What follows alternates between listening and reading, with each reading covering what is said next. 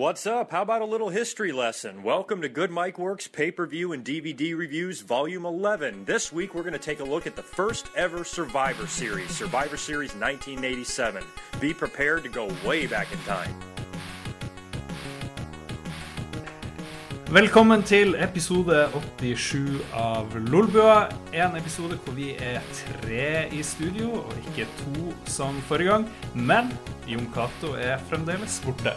I stedet har vi fått med oss Knut som gjest, men som vanlig så er Magnus og Lars med Vi er liksom bautaen, mens Jon Cato er litt sånn borte. Er han ikke det, Magnus? Jon Cato har jo dette her eh, enorme ansvarsområdet som man kaller for arbeidet utenfor eh, Lolbua. Så Ja. vi må jo Hva er det for noe? Arbeid og familie? Jeg har aldri skjønt helt er poenget med noen av delene, egentlig. Så eh, jeg er jo eh, student. Forhåpentligvis evighetsstudent. Bank i bordet. Det er jo det jeg satser på. Å eh, bli på skolen til jeg dør.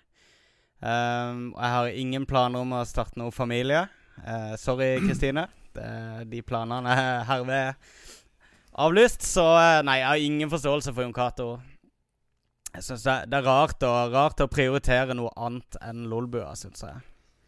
Vi gjør det. Men apropos det der evig student og aldri skulle jobbe og sånn, så har vi jo med oss en special guest i dag. Knut Som du jeg virkelig er Martinsen. ekspert på. Så- Som en stund var ekspert på det med å studere. Jeg vet ikke hvor mange år du eh, gikk Ja, i gikk nå Jeg er faktisk ikke ferdig ennå, jeg studerer ennå. Nei. Nei. Så det er definitivt eh, Så, Jeg tror faktisk det er en latinsk eh, betegnelse for studentum eh, perpetuum eller noe sånt. ja. Ja, som riktig. Latin, så. riktig. Evigvarende student som Ja, som faktisk studerer en evighet, for å si det sånn. ja, så bra. Så bra. Studentum infinitum, tør jeg vedde på det. Ja. Eh, Noe sånt. Noe De, den oppmerksomme lytter vil jo kjenne igjen stemmen til han Knut fra hyttespesialene våre. Hvor eh, Knut har vært en slags ekspert på mange områder. en uh, audiomaskott, kan vi si det? en lydmaskott for Lolbua. Det syns jeg passer veldig, veldig bra. Vi, eh, det er jo som sagt eh, episode 87, og det skal sette litt preg på ting. Um, Vår gjest skal også sette litt preg på sendinga, håper jeg. På eh, alle de positive måtene vi kjenner fra før. Um, men vi kan jo begynne med å snakke litt om hva vi har gjort i det siste. Som jo er en sånn fast uh, greie vi bruker å gjøre. Og ryktene sier, uh, sjokkerende nok, at Magnus har en historie å fortelle fra hovedstadens kjendisliv. Jeg har gjort noe. Jeg har gjort noe. Jeg har deltatt i en aktivitet som Ai, ai. ikke har dreid seg om spilling, og ikke har dreid seg om skole eller kjæreste. Jeg er ganske stolt. Jeg føler meg rundt en million ganger mer eh, sosial enn det jeg har vært tidligere. Um, jeg var nemlig på um, klovnpremiere i går. Altså premiere på den nye klovnfilmen Klovn Forever.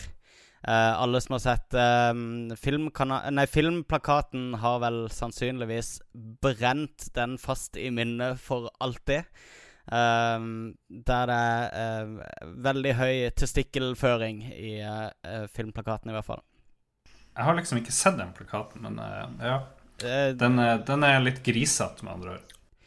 de, ligger på et, de ligger på en seng av sånn gullsilke. Og så ligger de og ser hverandre inn i hverandres rumpehull. Uh, ja. Ai, ai. Um, Ja, så jeg var jo på premieren. Uh, okay. på ja. Ringen kino. Uh, du spurte meg litt sånn tidligere i dag, Lars, om, om det var noe høy kjendisfaktor. Det var egentlig ikke det. er altså. fordi Var det ikke det? Ikke, det var- som jeg, ikke som jeg Det var jo du, du var jo der. Det var veldig mye folk der. Jeg var der. Det var en fra Lolbua der som, uh, som kasta glans på arrangementet.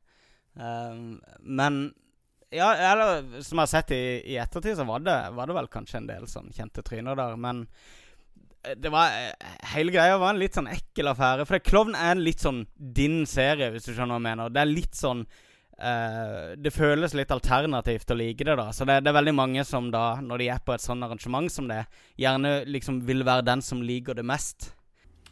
Jeg syns jo den første filmen var litt kjedelig. Eller ikke kjedelig, men den var ikke like bra som Som en serien. normal TV-serieepisode. TV-serien er jo definitivt best. Ja. Juryen har talt. Har talt. Ja. Men uh, ja, filmen var i hvert fall en eh, Jeg gir den en, en eh, firer av seks, Ja. tenker jeg. Trygg fire. Ja. Det er jo rart. I forrige uke, når vi skulle fortelle om hva vi hadde holdt på med i det siste, så hadde vi begge to sett en eller annen TV-serie om Ja. eh, intern sikkerhet i USA.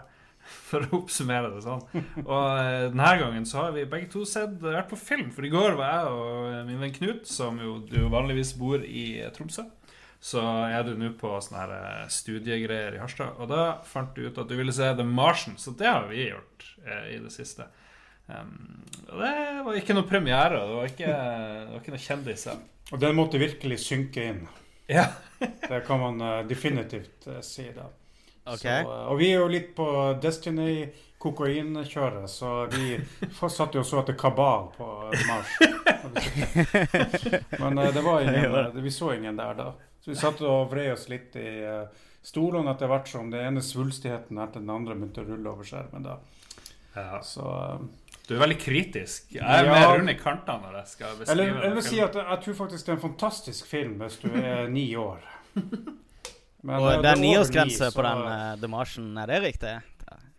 Ja, jeg tror det er vel eh, ikke peiling. Jo, det var elleve, kanskje. Ok, ja. Så uh, niåringer som vil være med faren sin eller mora si for å se han, de uh, kommer til å få en, en stor opplevelse Ja. med Ja. The Martian. Eller, med meg- Hennie si og Matt. Damon, som det står i alle aviser.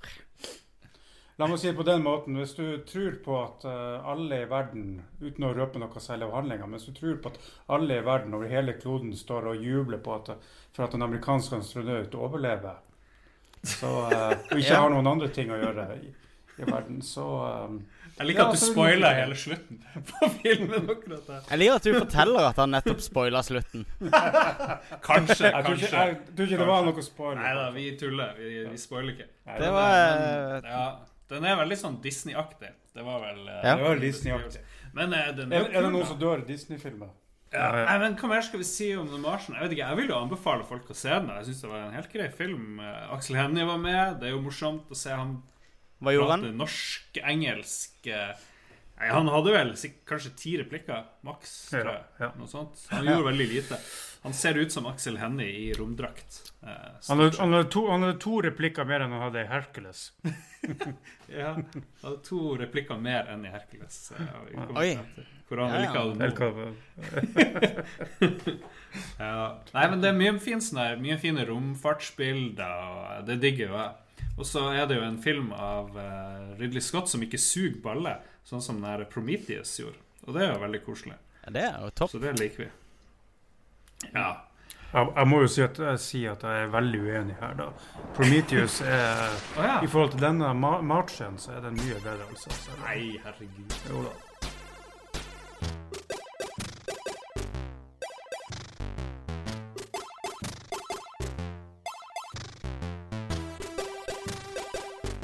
Em, er vi ferdig med Ja, vi må Hvorfor er du Du må si et eller annet om hverdagslivet, Knut. Vi må, vi må komme under huden på det. Under huden på Ja, den. hva har du gjort siden sist du var Du var på lufta hos oss? Har det skjedd noe? Den Har jeg, vært, har jeg vært på lufta? stå? Ja, det var det. hytteepisoden Hytteepisoden, ja. eh. Jeg satt og prata enstavelsesord. Ja. Nei, du drev og filosoferte litt, hvis jeg var husker det. Var det ikke tostavelsesord? eh? ja, kanskje. Muligens ei, ei eh, fullst, såkalt fullstendig setning òg innimellom. Ja, var det det? Ja. Men, eh, men jeg vil jo si du har blitt ekspert i en del spill etter hvert. Men det kan vi jo snakke om når vi skal snakke om hva vi har spilt oh, ja. i det siste. Og det kan vi jo gå rett over til. Eh, fordi Knut, du var jo eh, Da jeg drev og flytta til Oslo og begynte på universitetet i sånn her 96, kanskje Ja. 90 Ja, 96-ish. 95-96. Så kom jeg jo rett inn i et sånt miljø hvor det ikke var Destiny som var heroinet, men det var sånn sånne her Unix-spill i datalabene på universitetene. For det var jo liksom akkurat da internett begynte å være noe mer enn ingenting, egentlig. Det kom frem. Men vi spilte spill uten noe særlig grafikk og sånt. Men det vi spilte mest, det var kanskje X-Pilot. Mhm. Der var jo du eh, Du het eh, Kogi Kaisha Kunin, var det det? Absolutt, ja. Ja. Og var en av de store karene i X-Pilot. Og det er jo et av mine favorittspill. Jeg har jo sikkert prata litt om det, Magnus, men eh, det, Ja, Jon det- Cato holder aldri kjeft om det spillet. Så. Ja, det er sikkert litt irriterende, for det var vel sikkert maks 500 mennesker som spilte det. Ja, det var ikke så så- hele verdien i det. Det var sånn, Jeg var en av de 500. Og det var jo sånn Det er sånn var hipstersvaret. Sånn, 'Hva er det smaleste spillet jeg kan digge?' Og så er det det beste Ja, det var- spillet du noensinne har spilt. det var rimelig enkel grafikk, ja. Det var jo til og med til å være 1990-tallet. Ja, riktig. Ja, det var jo bare Det var kanskje en tre-fire-fem farger, og så var det bare Sånne streker. enkle, tre, enkle trekanter. Ja, men det var ganske bra frames per second der en stund på noen Ja, det kamper. var Det var ganske smooth, og så var det ganske god respons, fordi det var et lagspill i den mest Og det, det, var det, som, det var det som var skal vi si, kokain i det, da. Hvis Ja. du skal si det sånn, så var det jo det. Ja. At det var et lagspill, da. Så det, man uh, satt jo og spilte Det var veldig um, var veldig givende når uh, laget ditt vant. Så, sånn sett var det jo en forløper til ganske mange gode multiplayer-spill i senere. Men i hvert fall, jeg, jeg fant i hvert fall ut en ting om meg sjøl. At jeg har åpenbart en karakterbrist i forhold til uh, Ja. å spille spill. da. At Ja. det der, uh, Og det leder jo opp til det vi driver og spiller mye av nå, og det er jo Destiny. det var ikke måte på hva som blir utsatt for å spille litt ekstra på. Og så er det jo spesielt, du er jo her Du har jo eget hus å bo i og greier her i byen, men du velger å komme hit da og sitte Ja, i, i stua her og spille Destiny på den andre, i den andre delen av stua. For her er det jo to PS4 og to TV-er, selvfølgelig, som man kanskje har fått med seg. Ja. Så det, det er veldig fint for sånne Jeg tar jo selvfølgelig betalt 1000 kroner timen for sånne avhengige folk som Knut. Du må ta litt strøm, eh, s- strømregninger, burde du få, eh, få litt eh, hjelp med der, eh, Lars. Eller var det, var det PlayStation 3 eller er PlayStation 4? Jeg husker bare Jeg tror det var PlayStation 3, kanskje. Vi hadde Da jeg jobba på Spiderman, var det en som eh, oppdaga at eh, PlayStationen sin eh, brukte mer strøm enn kjøleskapet. så han hadde fått en sånn der helt sinnssyke strømregninger, da. For han skrudde aldri av PlayStationen sin. Så det er, Jesus pl Plutselig er det liksom en, en relevant uh, eh, strømutgift på, uh, på underholdninga. Det er imponerende. Men uh, ja, så det, det er rett og slett uh, Underholdningssenteret i Harstad. rett og slett. Harstad, Harstad Arkadehall. Ja. ja.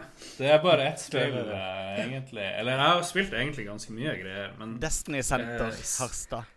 Men, men det har vært mest Destiny. Og siden jeg og Knut eh, og Jon Cato annet har vært og spilt eh, Raid eh, en par ganger siste Ja. uka, så tenkte vi kan jo fortelle litt hvordan, hvordan det var. Ja, det da streama litt også, gjorde dere ikke det? Ja, vi streama bitte litt. Jeg tror det, det var ikke så veldig mange som gidda å følge med. For det, det ble mye kjefting og munnhuggeri. Kunne det høres ut som. Det var selvfølgelig mer sånn godlynt kjekling vil Ja da, det vil, ja. innan. Men uh, jeg tror det kunne være noen som ble litt skremt. Uh, Vi, vi kaller det bare for kritisk refleksjon. Kritisk refleksjon, ja. Ja, det er viktig, det. Ja. Viktig, det. Og så er det jo det er jo en morsom historie, fordi uh, Knut regnes jo som vår leder i de her raidene. Han er, han er vår lille far. Akkurat som lederen i Nord-Korea kan være en sånn lille far. Og sånn. Mm. Så han har påtvunget oss uniforme emblem og uniformsdrakter. Og så driver vi og stiller opp på rekke av og til og hilser og sånne ting. Eh, så som seg hør og bør med en sånn stor leder, så er det ikke nødvendigvis han som er den beste. Eh, som har alle skillsene. Eller plan. Her, her, her skal jeg være brutalt eh, ærlig. At jeg, lurer på om det finnes noen som har spilt Destiny, Destiny så mye som meg, å være så totalt udugelig. Ja, men uh, Det er hva er det de liksom, sier? Uh, 'Those who can't do, teach'. Er det ikke det de sier? Så, Ja, ja, men, det er en eh, administrasjonsoppgave der uh, uansett. Ja. jeg tror jeg er vel mer som en slags moralsk uh, maskot. Det, det tror jeg er mer enn eh, Nei, men det, vi har det veldig gøy. Det er veldig, gøy, veldig å, ja. det er veldig gøy å rollespille litt inni i sånn her Destiny-raid, har vi funnet ut. Liksom Det er klart det er når troppen gjør honnør og eh, stiller opp før jeg skal gå gjennom en, eh, dør eller en portal, eller noe sånt, så gir det litt uh, ekstra. Uh, har dere sånn østlandsdialekter når dere rollespiller på, uh, på teamchatten og sånn? der, eller? det, det, har skjedd, tror jeg. Det har skjedd mye rart. Det har skjedd. Med sånn liksom hø hørespill fra NRK på 80-tallet-type skuespill. Men det er jo sånn når man var liten, så, eller når man leker, så skulle man liksom prate søringdialekt. Jeg vet ikke, Var det fordi man så all barne-TV du hadde på TV? Det var liksom Det var jo det. Det var Oslo-dialekt. Ja. Ja, alt var jo. Oslo-dialekt når vi var mindre. Uh, før, før Bergen kom inn i bildet og fikk litt av de der. Det var liksom det, og så var det Harald Tusberg på uh, Norge Rundt. Det var vel uh, basically det vi fikk av Distrikts-Norge, var det ikke det? I- Og, og, og Rorbua, ikke minst. Ja. Ja, rorbua. ja. Um, vi har ennå ikke klart å fullføre raidet, det nye raidet. The Taken King-greia. Selv om vi har spilt i Ja. Jeg har, og har en sånn mistanke om at det er et sånn stille opprør mot min ledelse, men det er ingen som tør å si noe. Bare én dag så blir du bare ikke invitert. det er Ja, det som skjer. um, I chatten her sier Angerboy2 at vi prater alltid på østlandsk når vi lekte, og jeg er fra Jæren. Han solofiguren prater ikke jærsk, liksom.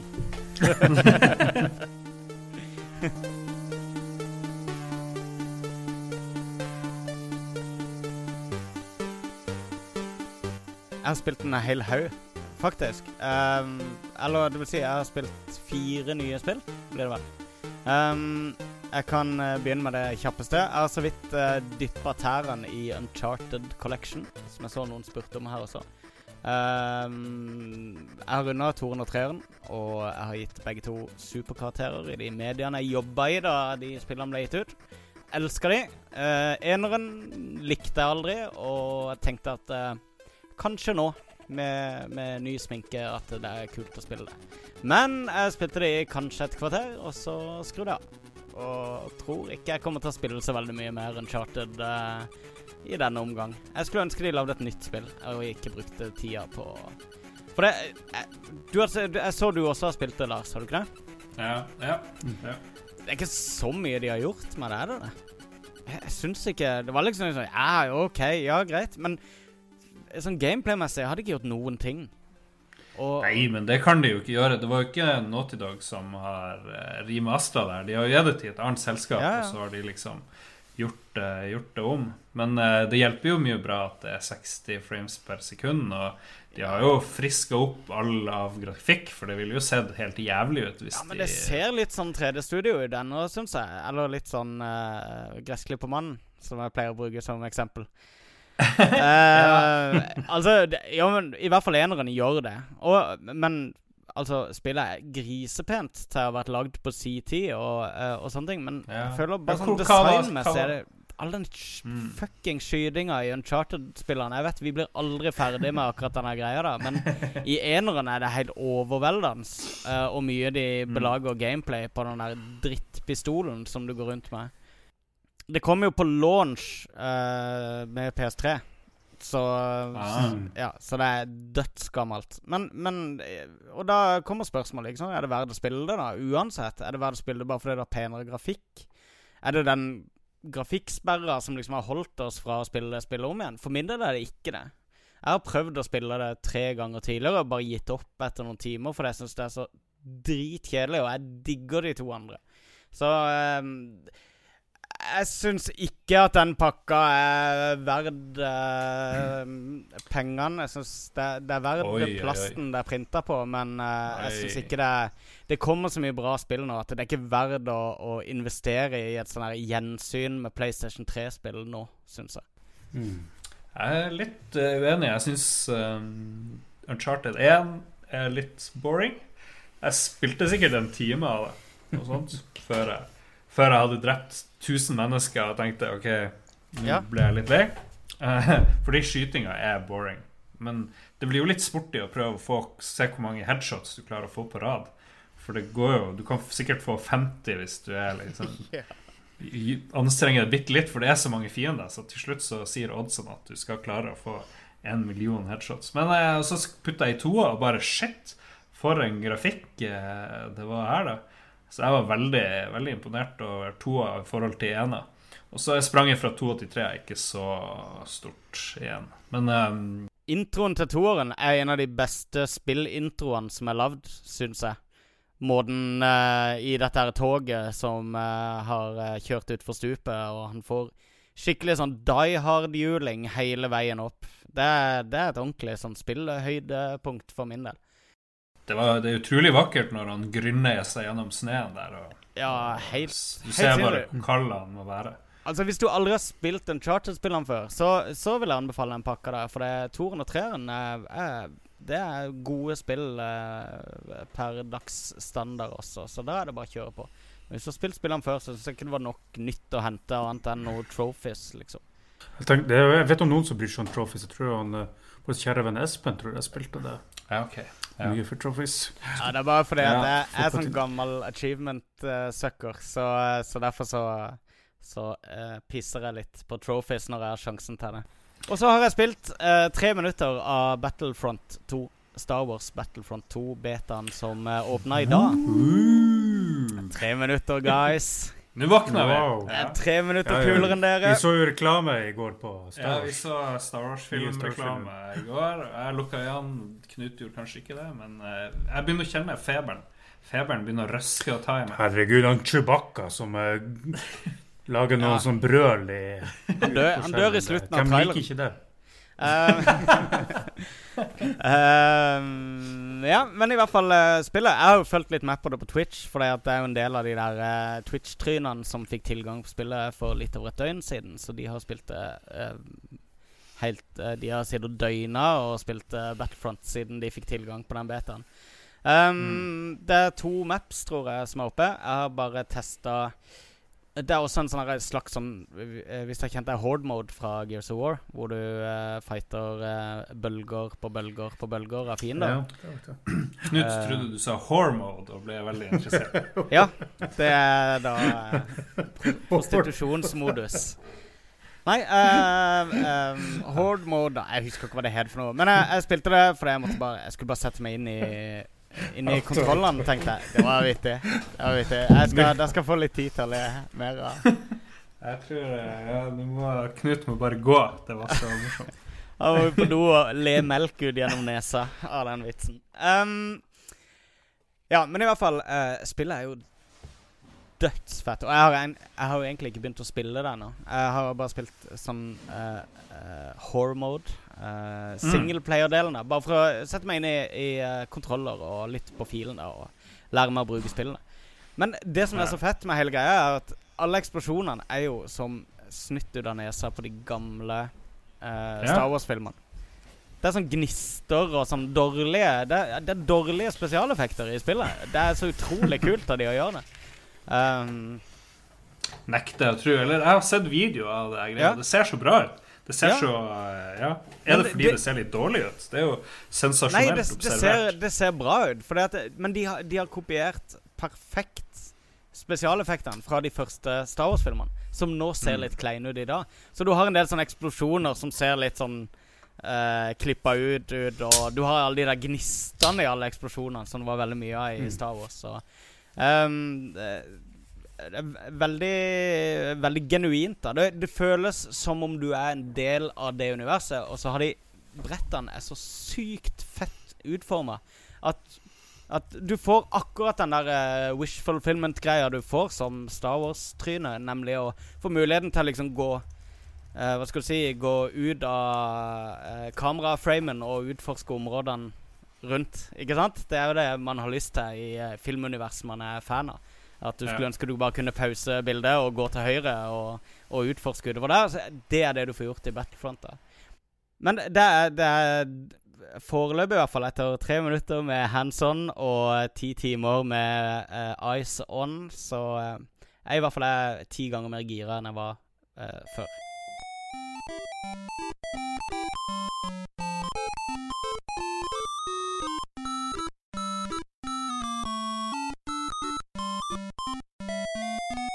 1987 er tema i episode 87. Forrige gang så var det 1986, og da fikk vi masse folk som var interessert i å både fortelle om sine spill, favorittspill, og høre om hva vi tenker om det året. Og det her er jo Jon Cato sin idé.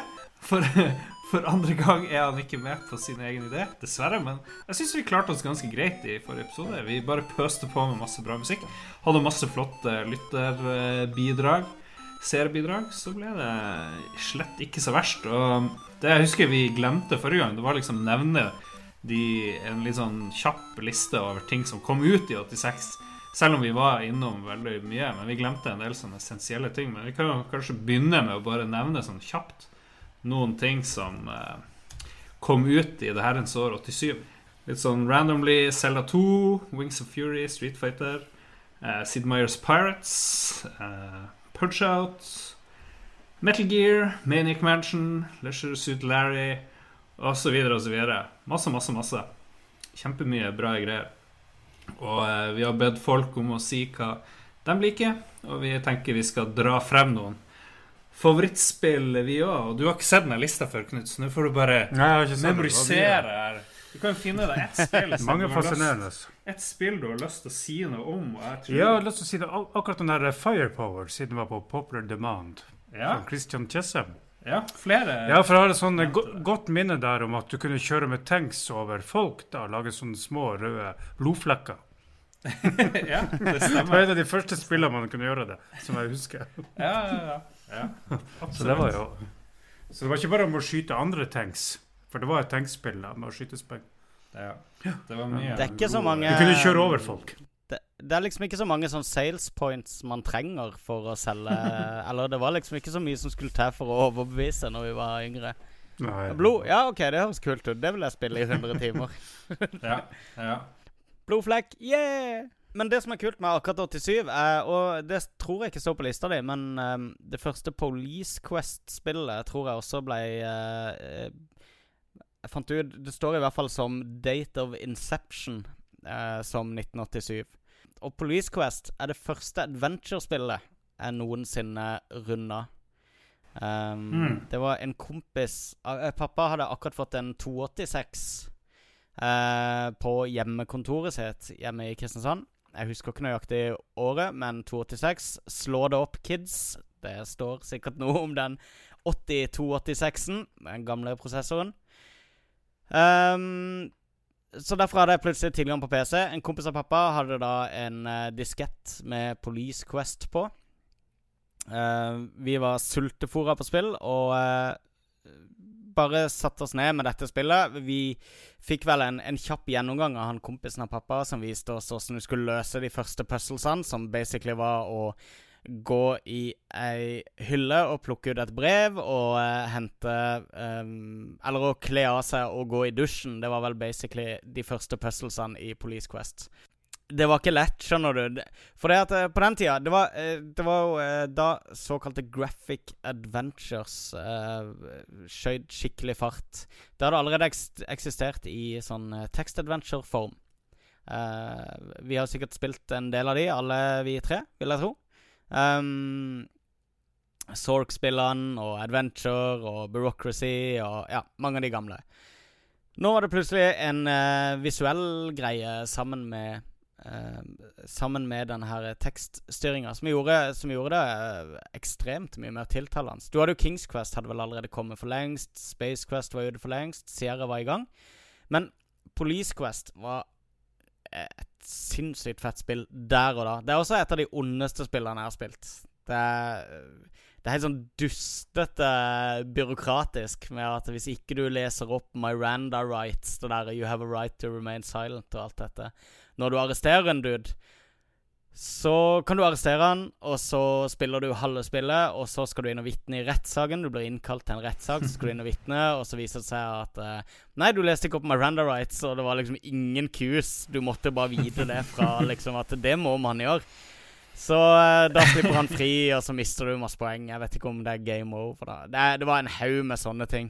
Det er ganske awesome. Men jeg lurer på hvorfor du drar frem eh, Police Quest og Fordi det var det første Maniac for Det var det første adventure-spillet jeg runda. Og eh, etter at jeg runda eh, eh, Police Quest, så ble jeg helt gal etter det vi kalte for Quest-spill på den tida der. Vi spilte alle, alle adventure-spillene som dukka opp, og var helt ville etter det. Og det var før jeg liksom hadde fine-tuna smaken min inn mot Lucasfilm og LucasArts. da. Så eh, absolutt så bør vi nevne at Manic Mansion kom det året der. For det er um, fødselen til Scum-motoren som så å si alle bra eventyrspill er skrevet på. Scripting Command Utility for Maniac Mansion tror jeg Scum står for. Og så var det vel òg ganske unikt at du kunne trykke på verb, ikke sant? Og Det er Scum. Pull, bla, bla, bla. Ja, var og det er det der. som er Scum. Hvis du sammenligner det med Police Quest og Leisure Suit Larry, som også kom da Det er jo helt sykt hvor mye langt frem eh, Maniac Mansion og de som lagde det, lå i forhold til alle andre. Det er jo Og Manic. Mansion, Manic Mansion er jo forgjengeren til mitt all time favorite-spill. Eller det er liksom go to-spillet mitt. Når folk spør hva favorittspillet mitt er, så pleier jeg å svare Day of the Tentacle, som er Manic Mansion 2. Uh, Manic Mansion hadde jo til og med muligheten for eh, eh, Det var jo han her duden som Det er jo Ron Gilbert som lagde Monkey Island og eh, alle disse her spillene. Han er jo en av de største eventyrlegendene ever. Mm. Uh, og her så kunne du velge mellom Hva var det, var det syv forskjellige ungdommer? Du kunne velge en kombinasjon av tre av disse ungdommene. Og de hadde forskjellige egenskaper som alle kunne løse Ja, puzzlesene er fra forskjellige sykt. vinklinger. Ja, det er helt vilt. Ja, det er så rart å begynne i den enden, da, og bare overkomplisere det så mye. For på den tida så hadde alle vært helt fornøyd med tre ungdommer som hadde ett sett med skills. Ja. Um, jeg har tenkt litt på hva jeg hadde lyst til å dra frem av den her eh, lista med sikkert over 20 spill. Kjempespill fra 87. Og da kom jeg fort frem til at uh, Project Stealth, som også het etter hvert F-19 Stealth Fighter på Amiga, var liksom en av mine favoritter. Litt som av samme grunn som forrige gang da jeg dro frem et spill. Den sjangeren fins nesten ikke nå lenger. Eh, de her eh, eh, flysimulatorene hvor du måtte bruke masse timer på et mission. Eller kanskje det var en ubåtsimulator eller et eller annet. Men du drev og simulerte ting, og du hadde kanskje eh, en ting som fulgte med i boksen, som du la rundt eh, tastaturet ditt med forklaring på alle knappene. Hva de Det var jo gjorde, Microsoft, det her Ja. også. Ja. Det var Han var jo fantastisk på simulatorer. Ja, absolutt. Det er jo det der eh, ja, Microprose, eller hva det er for noe. Ja. Ja. Microprose, ja. Det var det de het. ja. Mm. Og gjerne en manual på 200 sider Ja. som lå med. Å, det var så kult Så å det ha å kjempesvære manualer. Det å ha, få en Det var jo litt sånn sjelden at jeg hadde originale spill, men hvis jeg hadde noe original, så var det gjerne en sånn flysimulator hvor du hadde en sånn kjempetung eske, og så bare åpna du, og så kunne du sitte og gasse deg i sånne tekniske spesifikasjoner. Gud vet om de var ekte. Og da, var- og da var det jo ofte sånne her, eh, kassettspillere som ikke dagens ungdommer vet hva er. Men du putta altså noe greier i en eller annen maskin og trykte på play. Mm. Og så sitter du og venter en halvtime på last laste en. Det er sånn du har på iPhone-dekselet ditt for å være kul. Ja, ikke sant? Ja. Nei, så det, det, det var det, men det jeg likte veldig godt med eh, F-19 Stealth som jeg husker det som, det var jo at det tok eh, en milliard år å gjøre de missionene. Det var en knapp for å spole frem tid, tror jeg. Men, men den brukte jeg sjelden, fordi du kunne liksom lette i eh, Jeg vet ikke, kanskje Tyskland en eller annen plass, og så skulle du fære langt inn i Russland et sted. Og det flyet går nå så fort som det går, ikke sant? Og en eh, en steltfighter kjøler vel ikke så veldig fort for å unngå å varme opp motorene for mye, eller et eller annet sånt. Så det gikk ganske tregt. Og så var det ulike radarfelt, så man med veldig enkel Mm. grafikk. Så, ok, her blir jeg liksom oppdaga, så må jeg prøve kanskje å fære et annet sted, eller kanskje du må fære opp og ned i høyde for å unngå sånne her, eh, raketter som kan skyte etter deg. Det, det bare var helt fullstendig oppslukt i den der verden her. Men hva i all verden skjedde med flysimulatorene? Hvor er de blitt av, liksom? Ja, eh, altså Det kom på et punkt Jeg husker da jeg begynte å jobbe i Akersmik. Jeg begynte i eh, 2000. begynte jeg å jobbe i Akersmik.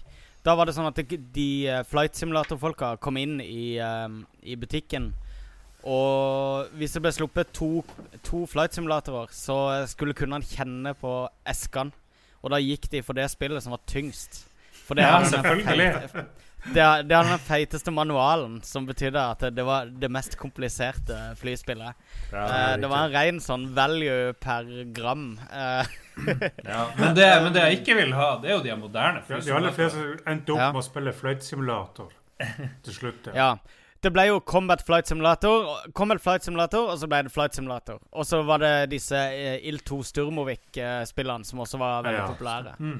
Um, Men, eh, men eh, altså Det som skjedde rundt årtusenskiftet, var jo at konsoller overtok mer og mer for eh, for PC, og med konsollene så kom den forenkla tolkninga av de gamle dogmatiske PC-spillene med de rigide regelverkene. Så det plutselig fikk du sånn som Ace, of, eh, nei, Ace Combat-serien ikke sant, på PS2, som er dritkule, men det er jo superforenkla feel good eh, japansk eh, mangaflying, ikke sant? Ja, Så- det var de siste flysimulatorene jeg spilte, fordi jeg gidder ikke de her eh, som Det var ikke så mye simulator lenger.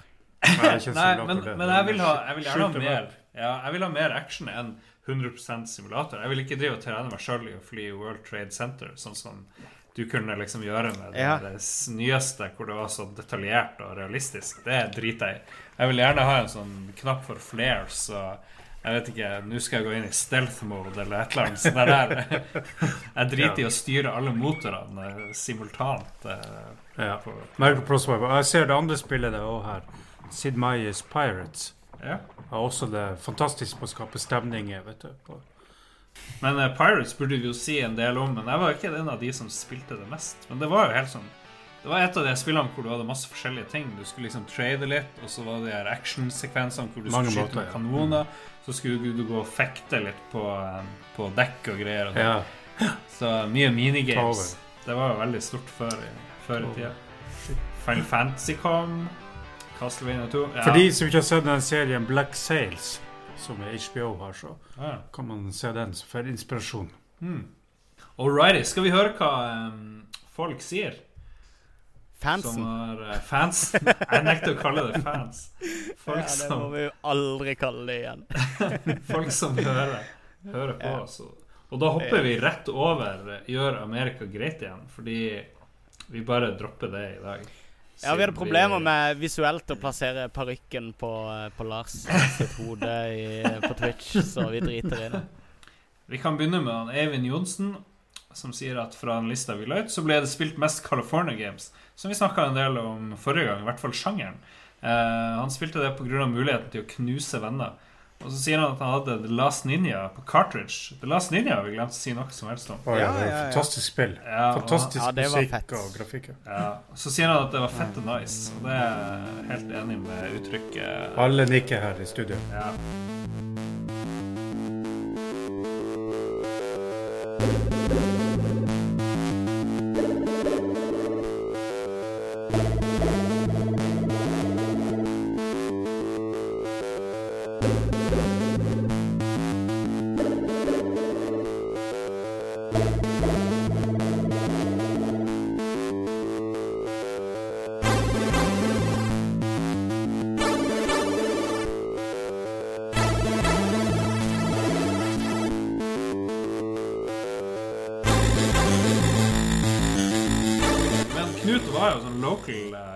Last Ninja, egentlig, i strøket, har jeg hørt rykter om. Jeg er jo ikke like Hysj, vok- Jeg vokste liksom, jeg vokste liksom ikke opp sånn veldig ungt med Knut og gjengen, men jeg har sett videoting og sånt i etterkant. Stemmer det.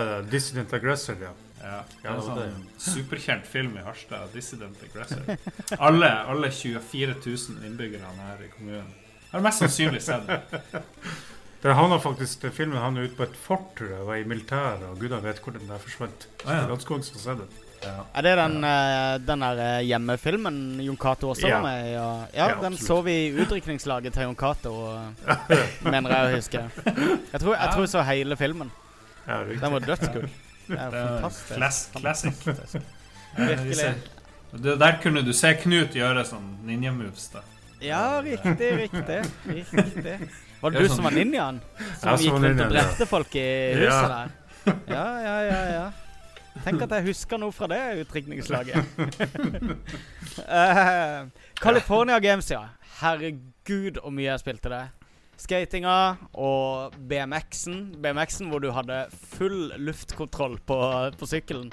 Hvis du begynte på en salto og du fant ut at nei, det funka ikke, så kunne du bare rette halvveis ut i saltoen, kunne du bare reversere den og lande, lande på hjulene igjen. Det var ikke så mye fysikk inni spillene på den tida.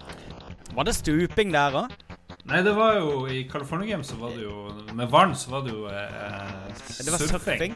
Ja, Og det var jo min Det var min glansgreie. Ja, det var jeg òg god i, altså. Fy fader. Jeg kunne gjøre sikkert en, to, tre, følg tre sånne salto eller sånne eh, loop-greier på, på Ja, surfebrettet. Og det skal du slite med å gjøre på ordentlig, men det klarte jeg, da. På data. Du klarte det på ordentlig. På data. Um, ja, uh, men crossykkel i rampe var ganske morsomt. Nei, skateboard, mener jeg, i rampe var kjempekult. Det var altfor vanskelig, syns jeg. da Ja, det var dritvanskelig. Men når det begynte Mm. å sette seg, så var det Når du kom i gruven der, så var det kult. Og, uh, og hekkesekk ble jeg ganske god i etter hvert. Og, vet du, det var, forskjellige, det var forskjellige øvelser i ulike versjoner. Det var Ja. Frisbeekasting var òg en øvelse, men det var ja, bare ja, på riktig.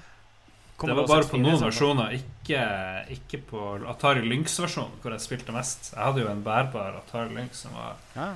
dritbra.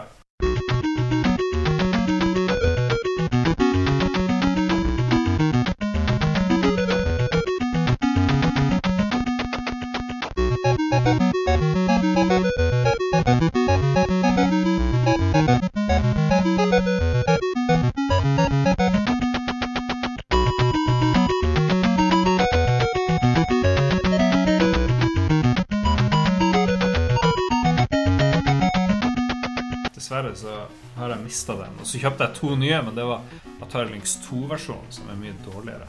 Eller den Som vi føles om, eh, elendig ut. som vi snakket om sist, så uh, dette her med å ha originale spill på Commodore 64 Mhm. Jeg hadde, eh, som jeg tror jeg nevnte da, jeg hadde California Games, som var et av de få jeg eide. Men jeg, jeg husker ikke alle greinene lenger engang. Yes, skal jeg ta neste? Fra Kjetil E. Gjør det. Eh, han sier også at det er ei bra liste, dette her. Dekker det meste. Hadde det veldig gøy med Atari Games Road Blasters Arkade, og ville nok hatt med det på lista. Morten Østad nevner også California Games. Woo! Hacky Sack brukte hacky sack. vi mye tid på. Pluss all den tid vi brukte på å svare riktig på eh, alderstesten i Larry, og den glemte vi. Første Larry hadde sånn her eh, spørsmål. Jeg husker vi satt og prøvde å skjønne hva i helvete de drev og spurte om, for det var jo en utrolig effektiv alderstest. Var det i Larry 1? Var ikke det i Ja, jeg tror det. Tre? I treåren så var det en okay. alderstest hvor avhengig av hvor mye du svarte riktig Du fikk aldri svaret på, på testen, men avhengig av hvor mye du svarte riktig, så kunne du se mer av ei dame når du så en sånn kikkert, så kikka det på ei dame som sto kledd av seg i et vindu. Og Eh, antall riktige- antall riktige svar bestemte hvor mye av gardinene som var borte i vinduet, og hvor mye Hvor nærme du kom pikselpupp, rett og slett. Så det var i hvert fall Men det, de hadde det helt sikkert i eneren også. De hadde det ene, og her fant, eh, fant spørsmålene her. Does a pair of queens beat three deuces? For eksempel. Ja, How many molecules are there in a glass of water? Eh, rett svar er as many as there are. Yeah, so your, your real clicks come in at bar eight from the top. You good? Mm-hmm. Here it comes.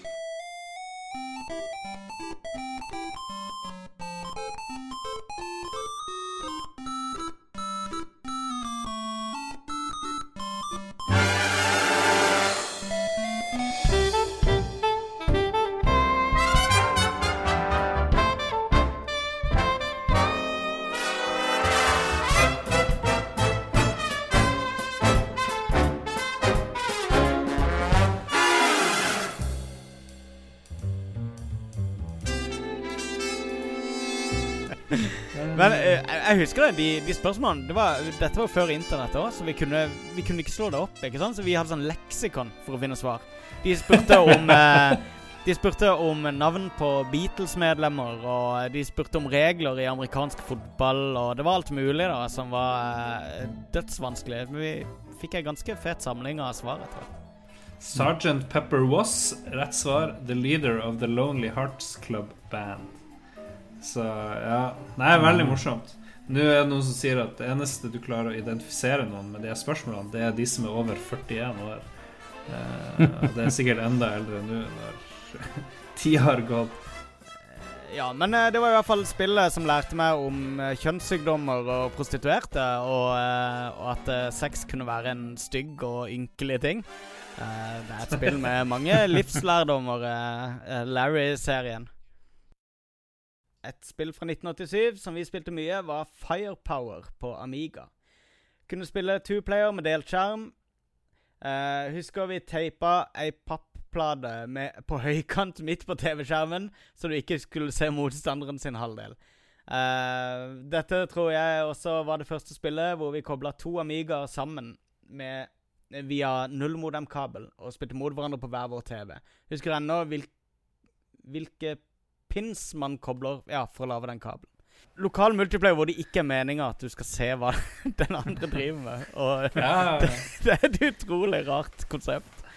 Ja, Men, er eh, da er det bare å finne frem uh, pappen og, uh, og crafte Mm. litt uh, skjermdeler, ja. Ja.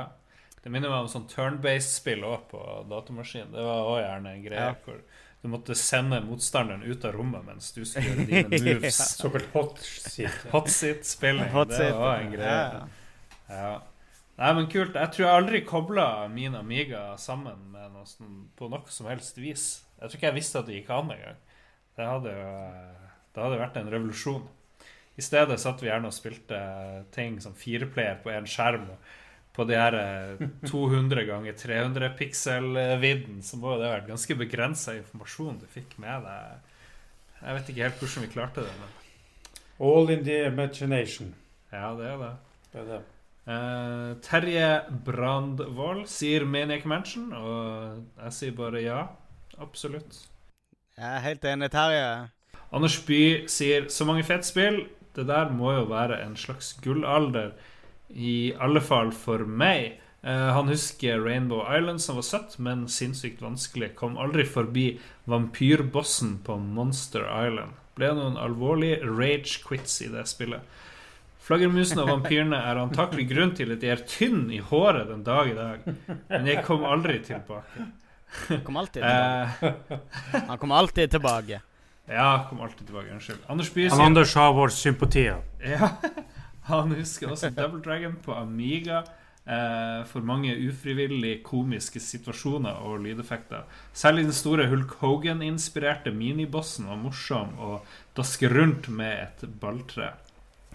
Um, Et av de bedre spillene på lista er Boulder Dash, og det har vi ikke Oi, nevnt. det var det òg. 1987, ja. 1987 var året sitt. Ja, Um, Boulder Dash har jeg spilt mye. Ja, Der var det steiner, bomber og monstre strødd utover svære brett, og det var liksom opp til oss som spillere å sørge for at moroa oppstod. En del frihet til å grave ganger og eksperimentere, og intet spill ble likt. Sinnssykt gøy, spesielt i toplayer. Ja, takk.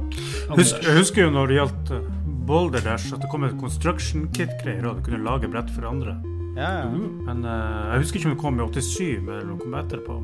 Men det var fantastisk morsomt å lage for andre og se dem feile på de, de Det var, én dude som lagde hele spillet, var det ikke det? Jeg tror det var bare én kar som sto bak eh, hele spillet. Vi diskuterte det. Vi hadde spørsmål om det også på quizen forrige gang. Um, um, om hva navnet var på hovedpersonen i Balder Dash. Øystein Reinertsen eh, nevner Airborne Ranger, som var et fantastisk spill til Commodore 64. En del av sjarmen var at du måtte ha manualboka når du lasta det inn, da du ble stilt spørsmål om hvilken side var det og det flagget avbilda på. Eh, dersom du svarte galt, ville de ikke laste inn. Bra konsept, men kanskje ikke like hendig eh, da jeg tjuvlånte med meg spillet bort til kamerater uten å ha med meg manualen. Eh, han nevner også California Games. Uh, som åtteåring å slå sin 13-årige storbror i BMX-grenen var ubetalelig. Dette her med kopibeskyttelse via manualer var jo veldig stort. Uh, det holdt seg jo utover hele 90-tallet også. Um, det ble veldig stort i adventure-spillene. Uh, Monkey Island-spillene kanskje spesielt var ekstra kule på det. De hadde egne sånn kodehjul du måtte vri på. Mm. Eh, Eh, og vi hadde kopimaskin hjemme, fordi vi hadde hjemmekontor. Det var også grunnen til at jeg fikk tilgang på PC så tidlig. Så uh, vi hadde også kopimaskin, så jeg var jo helten i uh, kompisgjengen når det kom til nytt spill, ny manual. Bare handle inn papir og ned til Magnus og kopiere opp alle kodene. Hjemmekontoret er jo veldig Det er veldig hendig, spesielt hvis du spiller Destiny. Tror jeg. Ja, nå, nå, forbinder du jo, ja, nå forbinder vi jo hjemmekontor med å eh, jobbe i underbuksa mens Destiny holder på i bakgrunnen. Men uh, det var jo da ikke tilfellet med min uh, fars uh, oppstartskontor på den tida. Ikke da du var hjemme, i hvert fall. Ikke mens jeg var hjemme, i hvert fall. Trond Sinfor Borgersen sier The Last Ninja er i hvert fall spillet som ble mest spilt da jeg hadde Commodore 64. Masse gode minner, og musikken spilles fremdeles til dags dato. De aller fleste som vokste opp med Commodore 64, husker The Last Ninja. Og det er Det tror jeg Helt er sant. riktig. Man husker også den utrolig vanskelige måten å styre den jævla ninjaen på å gjøre det Ja, ja, ja. gjøre. Holy shit, det var crazy, altså. Du gikk liksom innover i skjermen. Ja. Syke sånn 3D-effekter i det spillet der. Veldig bra musikk. Veldig bra Ja. musikk. Ja, veldig, veldig, veldig bra. ja. Um, Snorre Bryne. Det er, det er litt gøy å se, for det, det, er- her er det jo gamle venner. Snorre Bryne. Meg og Snorre har kjent hverandre siden uh, Jeg tror siden 2000, kanskje 2001. Fordi vi hadde felles uh, interesse i adventure-spill allerede da. Eh, og sånn er det når vi begynner å snakke om når eh, den uh, storhetstida for adventure-spilleren, så ser du plutselig at, at uh, gamle, gamle kjenninger begynner å, å uh, lysne opp igjen. Men skal jeg si hva Snorre sa? For det, det, det er jo mitt favorittmoment å nevne for å påpeke hvor onde Sierra var back in the day. Det alien-kysset i starten av Space Quest 2 var døden, ass, skriver han. Eh, jeg kan jo raskt fortelle hva han mener med det. eh, selv om jeg kanskje har sagt noen ganger før i Lolbua. Helt i begynnelsen av Space Quest 2 så går du rundt på et uh, handlesenter. Og hvis du går litt for nærme Dette var jo et adventure-spill der du styrte rundt med musa. Uh, jeg trodde det var et seinere spill, faktisk, i serien. Men OK. Hvis du gikk litt for nærme bare ei sånn alien-dame som sto opplent opp mot en vegg, så uh, griper hun tak i deg og kliner med deg. Og så går du videre, og så skjer det ikke noe mer. Så kommer du helt til slutten av spillet. Dette er helt i begynnelsen av spillet. Så spiller du Helt, helt frem til slutten av spillet. Og, og plutselig så kommer det en alien ut av maven din, og så dør du. Og den ble da planta Den ble planta av det kysset. Der du bare Åh, det var så evil. Nå, er de, eh, de er jo i gang med nytt spill igjen, og de Space Quest-folka. Det er Guys from. Andromeda de opprinnelige heter. Men nå har de en kickstarter gående der de er vel en tre år på overtid nå med det prosjektet. Både meg og Snorre støtta det, faktisk. Uh, de kom nettopp med en helt sinnssyk uh, nyhetsmail med forklaring på hvorfor uh, prosjektet ikke går helt etter planen. Og jeg anbefaler folk å se på det. Det, det er en av de største personlige tragediene uh, samla i et spillselskap jeg noen, ting har, eller noen gang har sett. Det, det har alt. Det har Alzheimer og eh, Og kreft, og det, det er så mørkt og bedrøvelig. Og, og det er liksom én person som har blitt overlatt til hele prosjektet. Og ja, Det går veldig dårlig med det prosjektet. Magnus Eide Sandstad sier så mange spill, så mange favoritter. Og det er jeg helt enig. Ja. Um, så kan vi skru videre til Vegard Megaman Mudenia, som sier at merkelig nok er Castlevania 2 min favorittserie. Og det er jo kanskje ikke så merkelig. Eh, mye av at det var det første han spilte, og mye av den episke musikken. Fy faen, den er bra.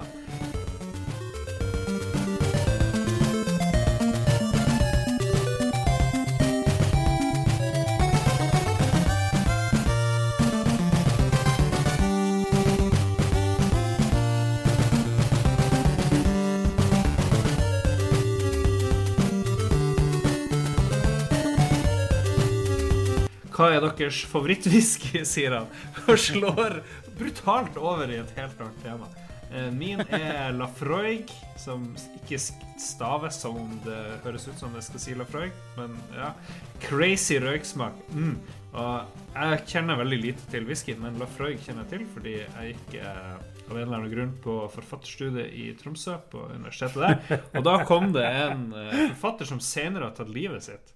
Og inn med frøyg, og det var liksom greia. Senere så holdt han en av de lærerne vi hadde som gissel, eh, eller fanga inne i et hotellrom eh, da vi var ute på byen. Og dagen etterpå, hvor han andre læreren som var holdt gissel, han klarte ikke å komme på jobb fordi han var så ufattelig dårlig og full, så kom han her eh, forfatteren eh, vandrende inn som ingenting hadde skjedd, med en pose øl. Og det var liksom Sånn var det på forfatterstudiet i Tromsø en gang i tida. Og der lærte jeg at Lafroig var en eh, herlig whisky. Eh, hva Jeg har en flaske? Lafroig her. Ja, du Ja, det er godt. Jeg har det. Jeg Det whisky. jeg er ikke så glad i Lafroig. Jeg syns han er for røkt. Ja, Eh, ja. Det er Det- det var liksom- taste, mhm. Det er acquired taste, vet du. Det tar litt tid. Ja, men jeg, jeg var veldig glad i røkt i begynnelsen, når jeg begynte å like whisky. Og så har jeg gått litt vekk fra det igjen. Uh, oh, ja, ok. Ja. Ja, jeg syns òg den kan bli litt bitter, så jeg jeg er litt mer pysete i uh, whiskysmaken. Jeg liker hva det heter, Macallan, syns jeg I hvert fall én av de Macallan-whiskyene er helt uh, super. Jeg liker eh, Glenn Kinchy, men uh, favorittwhiskyen min uh, heter Bruik Laddik. Uh, og er en sånn uh, Eiley single malt whisky som er, du får bare kjøpt på noen utvalgte vinmonopol, og på taxfree-en, faktisk, i, uh, på Gardermoen. Bruik Laddik, ta og test ut den. Nå driver vi med alkoholreklame! Det er så gøy med internett. Vi er sponsa av Vinmonopolet, skal vi si det? Bare for Ja, ja, men vi broadcaster fra en server i, på den der oljeplattformen utenfor Storbritannia. Så det er derfor vi er untouchable med Lolbua piratradio. Vi må, vi må høre hva favorittwhiskyen til lille far, eh, også kjent som Knut, er Ja. for tida. Nei, jeg, jeg må jo si at eh, faktisk så er jeg veldig glad i La da. Ja. Mm. Mm. Du og Vegard Megaman Mudene. ja, så jeg syns det var et godt valg. Ja. Nei, men Det bra. smaker litt sånn kortslutning av, av veldig røkt uh, whisky. Det er akkurat den samme lukta som kortslutning har, eh, hadde slått meg. Og brent hår. Mm. Ja, det er derfor jeg liker det. Sven Gunnar Johansen sier at 1987 var et bra år for plattform, slåsse- og skytespillhybrider i arkadehaller. Shinobi kom fra Sega, Black Tiger og Bionic Commando fra Capcom. Eh, Jeg syns også det er verdt å, være, uh, å nevne Yu Suzukis Afterburner. Uh, F19 Stealth Fighter var kanskje den beste simulatoren Oh, yeah. som kom det året, men Afterburner så bedre ut. Hadde Top Gun-vibber og et kult hydraulisk kabinett. Hy- Hydrauliske kabinetter, det hadde jeg helt glemt. Det var dødsgøy. Ja.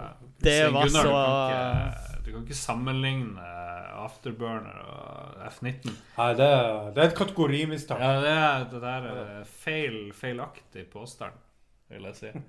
Sånn rent objektivt. Nei, han sammenligner. Han sier F19 Stealthfighter var den beste simulatoren som kom det året, men Afterburner så bedre ut. Svein Gunnar er banna herfra og ut i uh, LOL, for å si det sånn. Ja, sorry, Svein Gunnar. Du må ta deg en runde rundt kvartalet før du kan komme inn igjen i, uh, i Lolbua. Banna en uke, cirka. Yes. Skal vi se, Jan Christian Hegel lurer på om vi har fått prøvd Battlefront-betaen, og det har vi gjort i tre minutter. yes. Sammenlagt. Men Ja. uh, jeg tror det er bra. Jeg tror det er bra. Jeg har ikke spilt det. Det ser veldig bra ut. Eh, du kan stole på Lars. Takk. Takk, Yes. Magnus Tellefsen. Sønn av Arve Eh, Tellefsen. Sønn av Arve. Ehm, Anders Berge sier en litt, en litt rar ting. De fleste av disse spill eh, Av disse spilte jeg ikke før et par år senere. Må ha vært rundt 90-91. Men alle har sin lille historiske kontekst og gjorde barndommen minneverdig. Og det er vel litt på, på det jeg også snakker om, at eh, selv om veldig mange av disse spillene har vi jo spilt um, Men de levde liksom ganske mange år etter lansering. Det er ikke sånn som nå lenger, Mm. at eh, Mm. at uh, ingen spiller fjorårets Call of Duty, liksom. Det er Ja. dødsmange som reagerer nå. Jo, selvfølgelig. Jeg spiller Ja. fremdeles uh, CS14 med wallhack. uh, det er alltid noen rare som gjør det, men de aller fleste går Ja. videre til neste, neste modell. Ja. Du Jeg sitter vel mer og tenker på hva slags diagnose dere har. det ja, det vil vi ikke vite. Det, og det er ikke sånn vi snakker om her i Lolbua.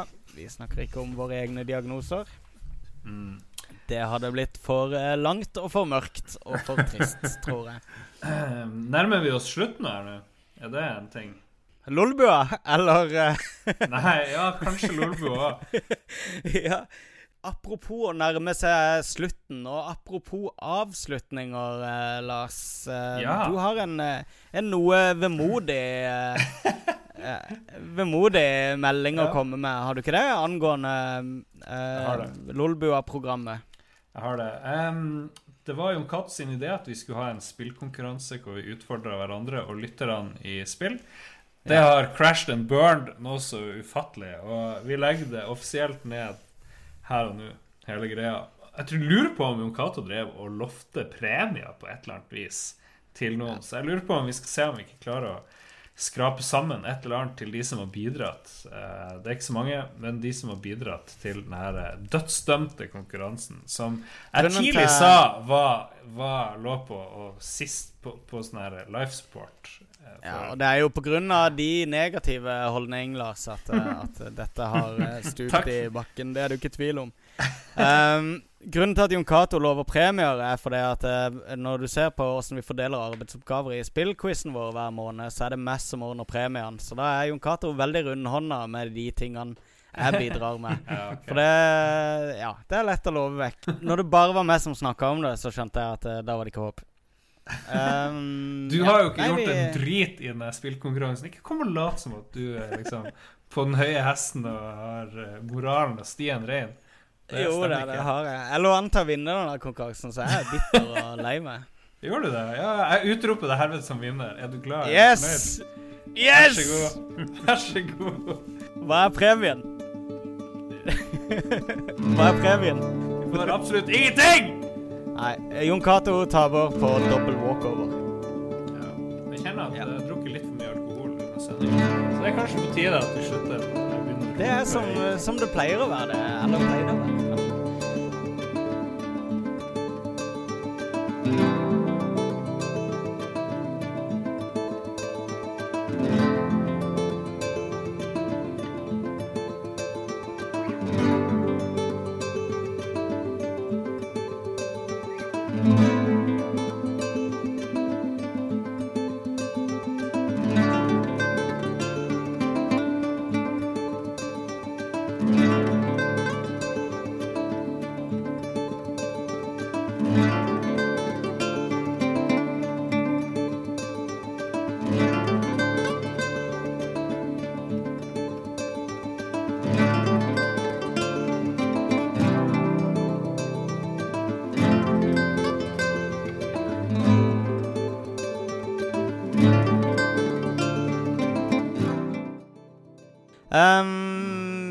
Jeg ser kanskje ikke dere online i Battlefront, for dere skal vel spille det på PlayStation 4, kjenner jeg dere rett? Jeg eh, leider frenetisk etter mulighet til å laste det ned til Xbox One i dag. Jeg har ikke funnet det ennå. Har dere funnet det på PlayStation? Vi har bare spilt uh, Vi spilte bare Destiny. Ja, her. her Destiny, ja. er Destiny-stua er i full gang. Ja, så dere skal ikke spille Battlefront? Eh, jo da, skal sikkert Ja, i 2071. Vi må eh, be folk sjekke vår Twitter. Det er bare å søke etter Lolbua. Sjekk Facebook, søk etter Lolbua. Og sjekk oss på YouTube, hvor du søker etter Lolbua. Vi er også på LO. Der er det bare å søke på Penis og Magnus Tellefsen, så finner du Lolbua der. Er det noen andre ting vi skal Er det noe annet vi skal reklamere for? Jeg heter Magnus Tellefsen på Twitter. Eh, Lars heter Lars R. Olsen. Jon Cato heter Fleksnes. Og eh, følg oss på Facebook. Vi kommer stadig vekk med nye oppdateringer der. Både om sendinger og om eh, Ja, det vil være en del listesaker nå i eh, tida som kommer, der vi vil eh, ta opp eh, relevante spill vi skal komme frem til i denne her retrospalta vår. Så hvis du har noe smart å si om spill fra 1988, så vil du i løpet av uka få en artikkel der du kan kommentere på og sende inn kommentarer og spørsmål til oss som vi vil svare på i neste sending. Så do it. Do it. Eh, Vår kjære gjest eh, Knut Martinsen, er du på eh, Er du å finne noe sted online? For fansen Du har fått masse fans nå i løpet av kvelden. Ja, det er det. Ja. Sannsynligvis. Sannsynligvis. Vi er en, eh, en fangenerator, Lolbua. Ja. Ehm, jeg tenker det at jeg har ingen problemer med å være usynlig og ikke kan bli funnet. Ja, ja men det Yes. er Den er grei. Kan jeg bare si Jeg må bare si at det er ingen av oss som snakker om IK pluss i hele dag. Og eh, ja. Oh shit. Ja. Vi smekker, uh, smekker oss sjøl på lanken for uh, den bømmeren der. Det var helt klart en, en stor slager. Så da får ikke jeg sove i natt, fordi jeg glemte det. Ha det! Ha det bra.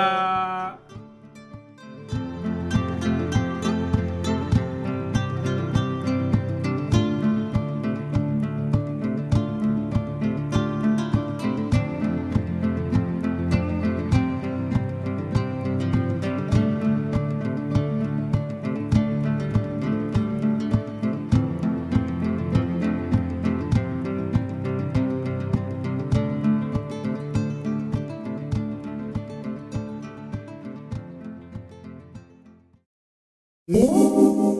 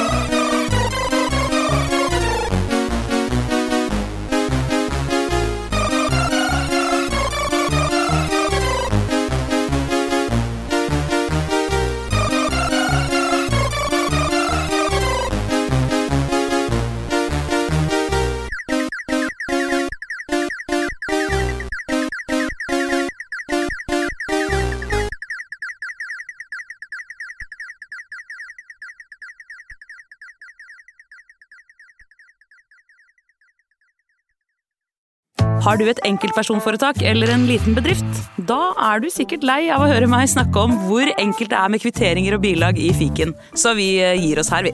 Fordi vi liker enkelt. Fiken superenkelt regnskap.